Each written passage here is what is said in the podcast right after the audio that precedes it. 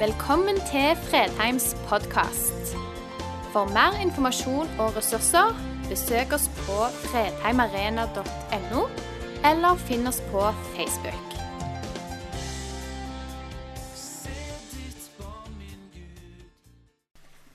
Det nærmer seg eh, ca. en uke siden vi kunne se den overskriften som dere skal få opp her nå på Internett. Hvis Bjørndalen sier han er god nok, er han god nok. Han er kongen, og han gjør som han vil. Og Jeg lo når jeg leser den kommentaren, for det er sånn typisk Johan Golden-kommentar. Som eh, vi både har hatt med oss gjennom XL-TV, vi har hatt gjennom oss Misjonen og nå Nytt på Nytt. Typisk en måte han sier ting på. Og når du har hørt i radiointervjuet etterpå, men i en slik uttalelse så ligger det òg mye respekt for historien. Respekt for bragder, for det som ligger bak. Nå viste det seg jo det at eh, toppidrettssjefen ikke var helt enig i Johan Golden i den ideen om at eh, han kunne gjøre akkurat som han vil fordi han var kongen. I hvilken grad anerkjenner vi, respekterer vi, ærer vi de menneskene som har gått foran oss i tro? De som har betydd noe for der du er Du kan bare ta det ned, Daniel. Er det ved eh, samme kraft som Johan Golden ærte Ole Einar Bjørndalen med? Eller lever de i en evig uvitenhet om hva de har betydd i vårt liv? Hva de har betydd for vår tro? Og du vet, Dette trenger ikke å være de menneskene som har gjort mest ut av seg. Det kan ha vært en mor som ikke sa stort, men som mener hvordan hun levde sitt liv, hvordan, hvordan hun modellerte livet sitt. Hvordan hun modellerte tro, så gjorde det et inntrykk på det. Det kan ha vært en far som både lærte det opp i tro, demonstrerte omsorgen, modellerte livet. Det kan ha vært søndagsskolelæreren, det kan ha vært bibelskolelæreren, det kan ha vært venner, det kan ha vært pastoren din. I dag markerte vi at Runar har vært ansatt 25 år i denne menigheten. I tillegg så har han vært ansatt 12 år i Frikirken. Det var en her oppe i stad som sa det var de 12 årene i mørket. sa det. ja, veldig fint kommentar. Uh, og han, har ben, han og Bente har brukt store deler av sitt liv på dette her. På å investere inn i mennesker. Og Jeg har ikke snakka med de om det. Men vi vet jo at i løpet av de 25 åra så har de berørt mange mennesker.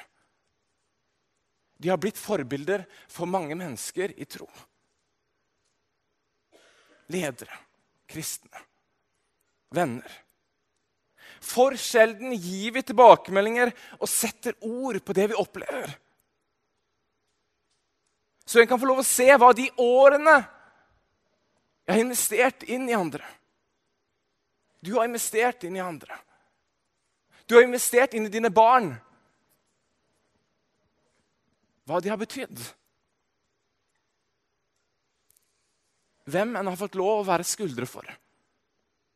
Kanskje er det en mor som i 30 år har sittet ute og bedt for deg, men ikke gjort stort ut av seg.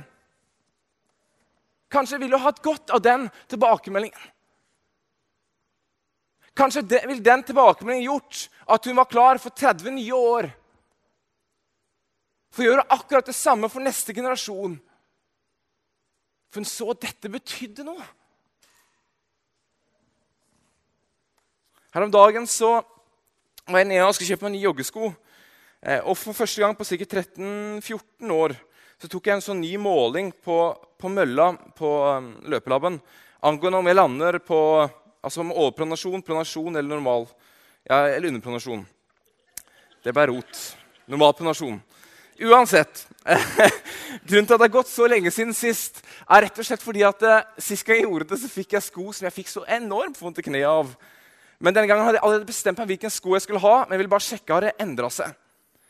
Og De tok testen, og til min overraskelse så var jeg ikke lenger nå overpronasjon. Jeg var helt normal. Og jeg vet jo med en gang så vet jeg da hvem, hva som er grunnen til at det har endra seg. Og det er fordi at det var en bekjent bekjente meg for et par år siden som sa litt om løpeteknikk. som jeg hørte på. Og Så gjorde jeg de endringene, og så merker jeg at å, jeg begynner ikke å få så vondt i beina lenger. Og så har pronasjonen endra seg. Eller hvordan jeg lander. Vi takker, vi gir tilbakemelding. Vi ærer de som har ført oss fremover i det vi liker å holde på med. Men gjør vi det til de som formet troen vår? Til de som investerte inni oss? Til de som forklarte oss? Til de som møtte oss? Til de som så oss? Til de som prøvde å forstå? Til de som ble forbildene våre når du kom til tro? I Breerne 11 har vi kanskje et av de sterkeste synes jeg da, materialene vi finner i hele hebreerbrevet. Hvor det er et helt kapittel, som brukes på det som går om vitnesbyrd om tro. Og uttrykker hvordan noen av de største historiene og hendelsene og personene i Gamletestamentet nettopp levde og handlet ut ifra tro. Og en del av de historiene har sannsynligvis også formet noe av det du tenker om tro. I tro bar Abel fram Gud, framfor Gud et bedre offer enn Kain. I tro ble Henok rykket bort uten å dø. I tro fikk Noah varsel om det som ennå ikke var synlig. I tro var Abraham lydig da han ble kalt, så han dro til et land som han skulle få i arv. I tro bar Abraham fram Isak som et offer, og sånn fortsetter det. I tro gjemte foreldrene Moses i tre måneder. I tro falt Jerikos murer, osv., osv. Tro definerer oss, har gitt oss mange forbilder. Folkens, tro Fytti grisen, for et spennende liv det er. Å få lov å leve i tro. Å få lov å gå på tro. Og dette kapitlet i i Hebrevet kapittel 11 avsluttes med oppsummeringen til slutt i vers 39.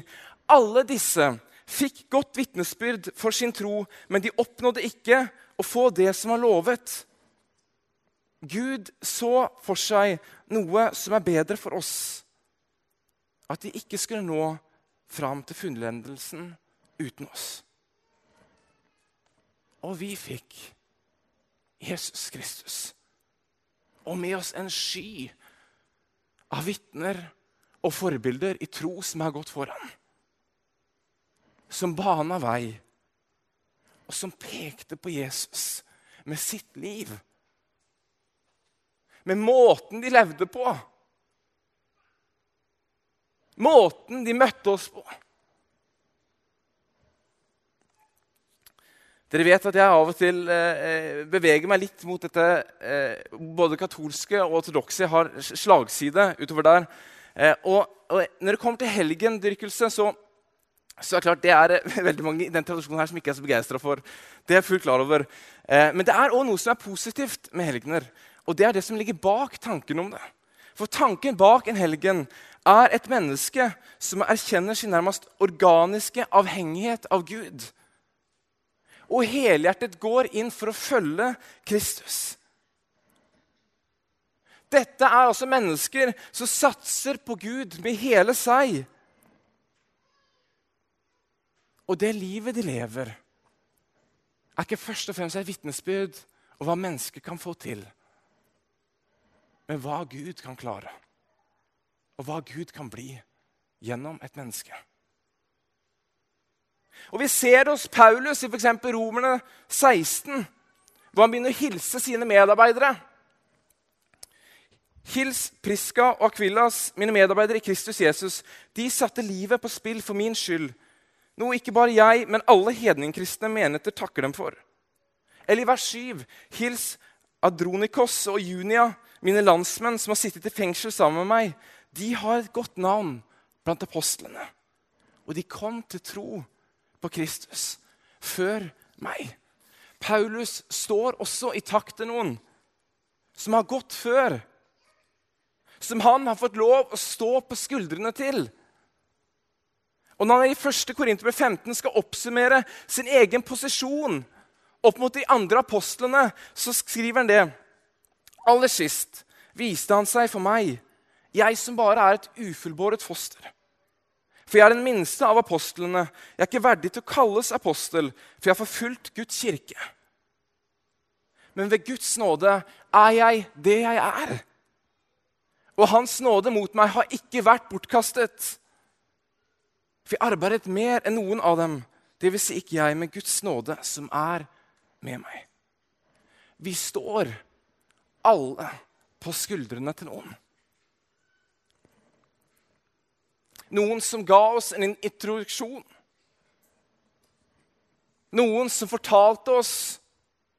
Noen som modellerte noe med sitt liv. Hva tro handlet om? Forbilder. Så vi fikk lyst sjøl til å bety en forskjell, til å leve dette ut. Til å leve dette livet som vi kalles tro.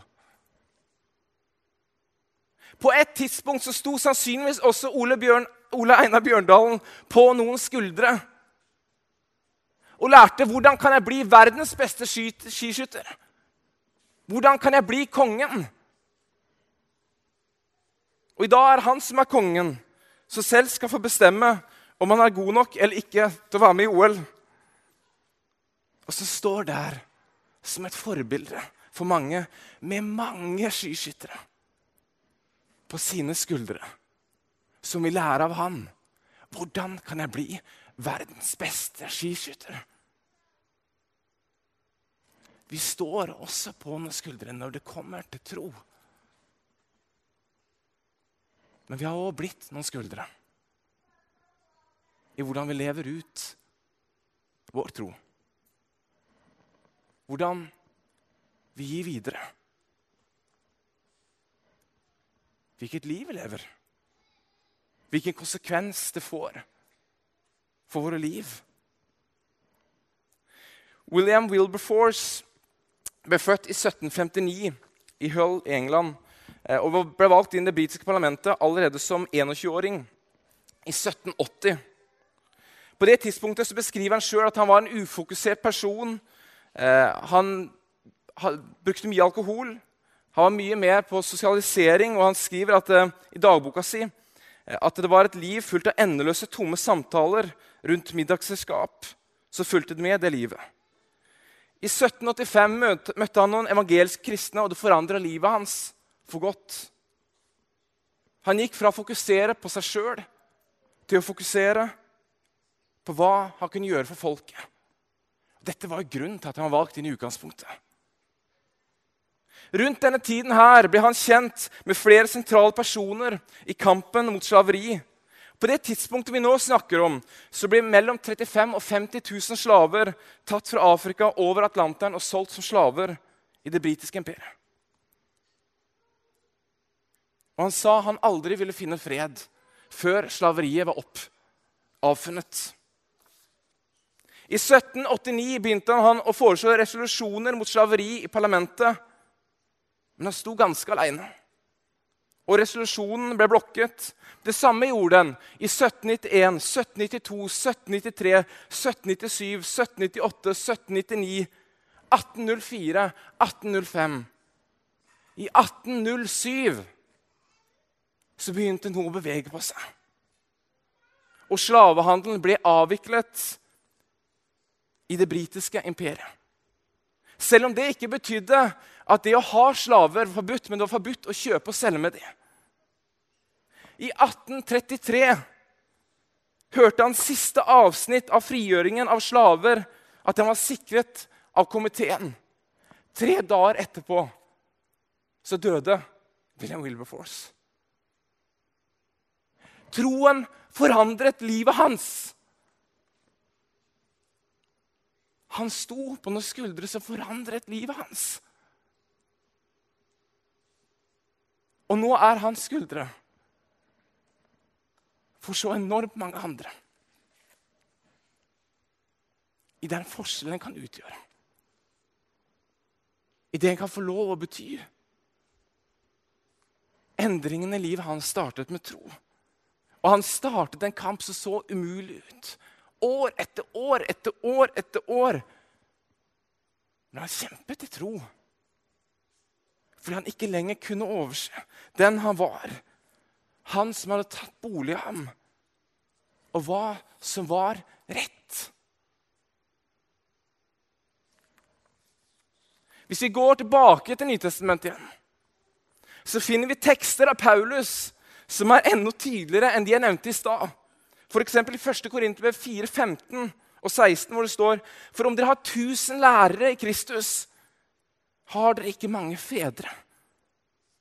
Det var jeg som ble deres far i Kristus Jesus da jeg ga dere evangeliet. Så jeg legger dere på hjertet. Ha meg som forbilde. Hør. Du og meg blir fort mødre og fedre i tro når vi gir evangeliet videre. Og fort kommer vi i den situasjonen, både som foreldre, som arbeidskollegaer, som venner. Og Paulus han var lite berørt av janteloven. Den eksisterte tydeligvis ikke på det tidspunktet. her. Og sier rett ut 'ha meg som forbilde'. Fort kan vi bli forbilder på områder i livet vi ikke har bedt om å bli det. Men kanskje blir vi det fordi det bildet du gir av Kristus, er kanskje det eneste bildet noen kommer til å møte ham. Er vi da forbilder på en god måte? Eller en ikke god måte? Og så kan vi bli lamslått at ikke vi har alle svarene. Jeg kan ikke svare for meg når de kommer de vanskelige spørsmålene. Jeg vet ikke hvordan. Men det handler ikke om hvilken svar vi kan gi, men om et liv som leves. Og hva helheten av ditt liv, din karakter, dine ord forteller om han du tror på. Han som har tatt bolig i det. Du skjønner, tro er ikke akademia. Tro er liv. Det lever i oss.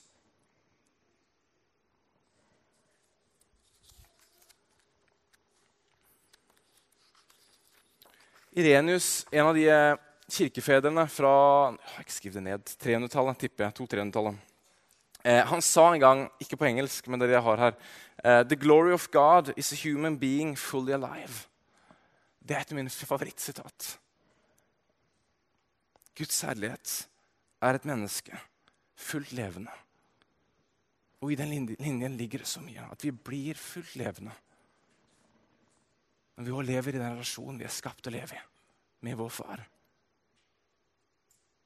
For min del må jeg være ærlig. Jeg har stått på veldig gode skuldre. Noen av skuldrene er ikke der lenger. Men jeg står fortsatt på dem. For de satte noen eksempler for livet mitt som jeg har lyst til å følge. Og så tenker jeg at jeg blir superhappy hvis jeg kan nå opp til de skuldrene jeg har fått lov å stå på for mine barn. Eller for de menneskene som i løpet av livet trenger mine skuldre å stå på. Trenger å lære meg hva tro handler om.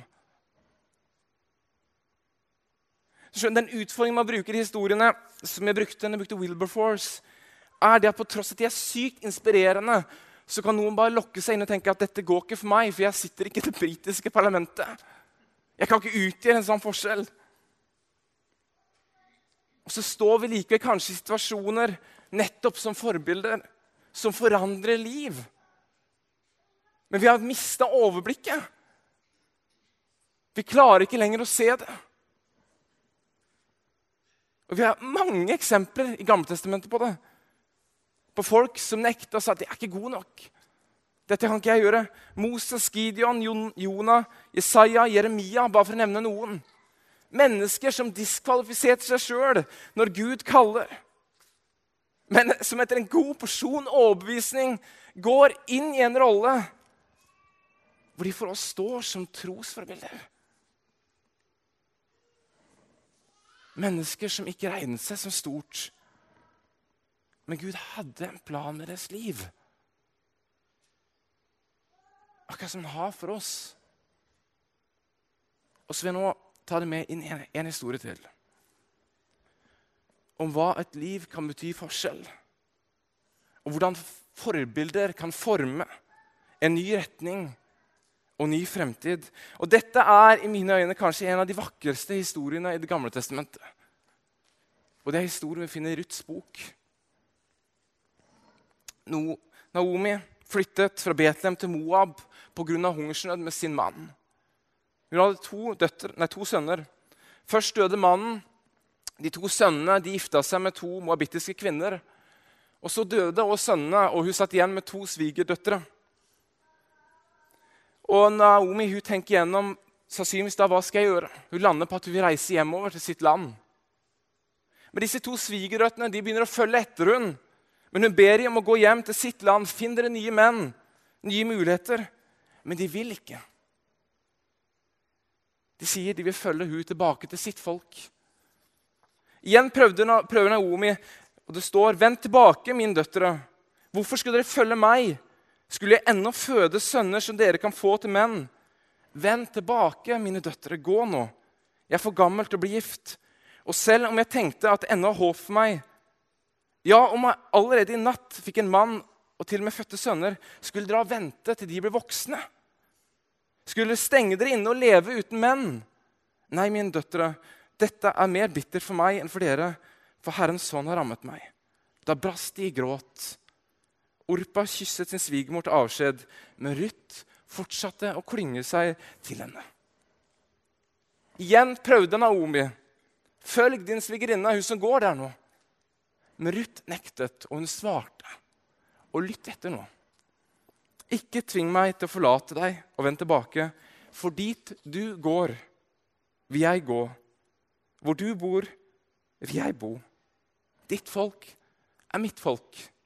Din Gud er min Gud. Der du dør, vil jeg dø. Og der vil jeg begraves. Måtte Herren la det gå meg ille både nå og siden, hvis noe annet enn døden skal skille meg fra deg. Jeg blir, jeg blir helt rørt. Hva har hun fått lov å bety inni det mennesket sitt liv? For at en svigerdatter forlater sitt folk, forlater sin Gud, forlater sin familie for å følge sin svigermor inn i et annet land. Og stå videre på de skuldrene. Og Naomi hun ble kalt fostermor for den sønnen som eh, ble kalt Obed. Og på samme skuldrene, tre ledd lenger fram, så ble kong David født. Historier er underlige. Men dette er historier som skjer. Dette er livet. Og Naomis forbilde fikk ikke bare betydning for Ruth, men det fikk betydning for et helt folkeslag ettersom dette ble slektstreet til kong David. Menneskers innflytelse på andre mennesker kan knapt nok overvurderes. Og så må vi ta en runde med oss sjøl. Hvilken skuldre er jeg for både mine barn, mine barnebarn, mine venner, mine kollegaer og de som i løpet av et liv trenger noen skuldre å stå på.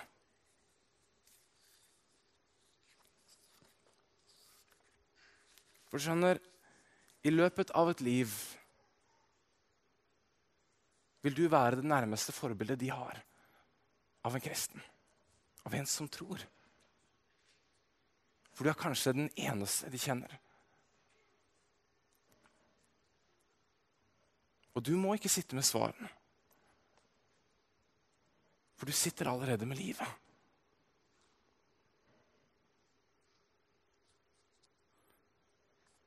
Ruth flyttet ikke etter Naomi pga. hennes akademisk-teologiske kompetanse, men pga. det livet hun levde og modellerte. Nå kommer låsetimen opp. Og så eh, skal de synge en solosang. Så vil jeg tenke på det nå under den sangen. På to ting. Tenk gjennom hvem har vært mine forbilder i tro.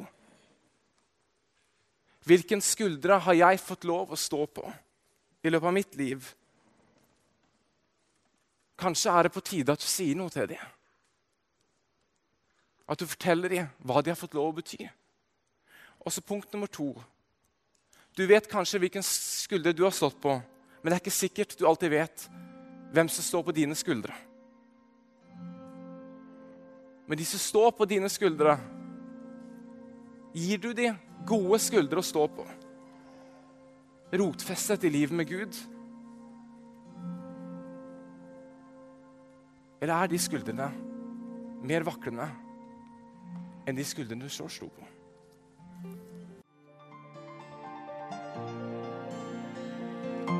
Takk for at du valgte å høre på. Nye opptak legges ut hver uke. Vi har gudstjenester hver helg, og du er hjertelig velkommen.